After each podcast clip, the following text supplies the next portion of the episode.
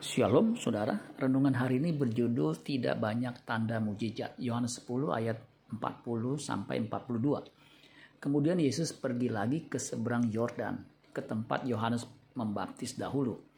Lalu ia tinggal di situ dan banyak orang datang kepadanya dan berkata, Yohanes memang tidak membuat satu tanda pun.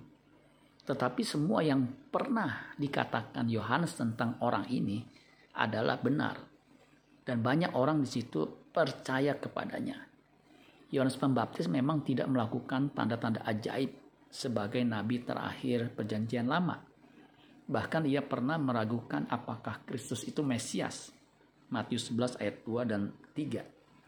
Di dalam penjara Yohanes mendengar tentang pekerjaan Kristus. Lalu menyuruh murid-muridnya bertanya kepadanya, Engkaukah yang akan datang itu atau haruskah kami menantikan orang lain? Yang menarik dari Yohanes Pembaptis adalah perkataannya benar dan tidak ada dusta. Hal ini menyebabkan banyak orang percaya kepada Kristus. Apa yang disampaikan kepada orang banyak tentang Yesus selalu tepat. Orang percaya bukan tanpa kelemahan dan kesalahan, tetapi hendaklah ia belajar mengenal Kristus dengan serius, sehingga bisa memberitakan Kristus dengan benar. Amin buat firman Tuhan. Tuhan Yesus memberkati. Sola Gracia.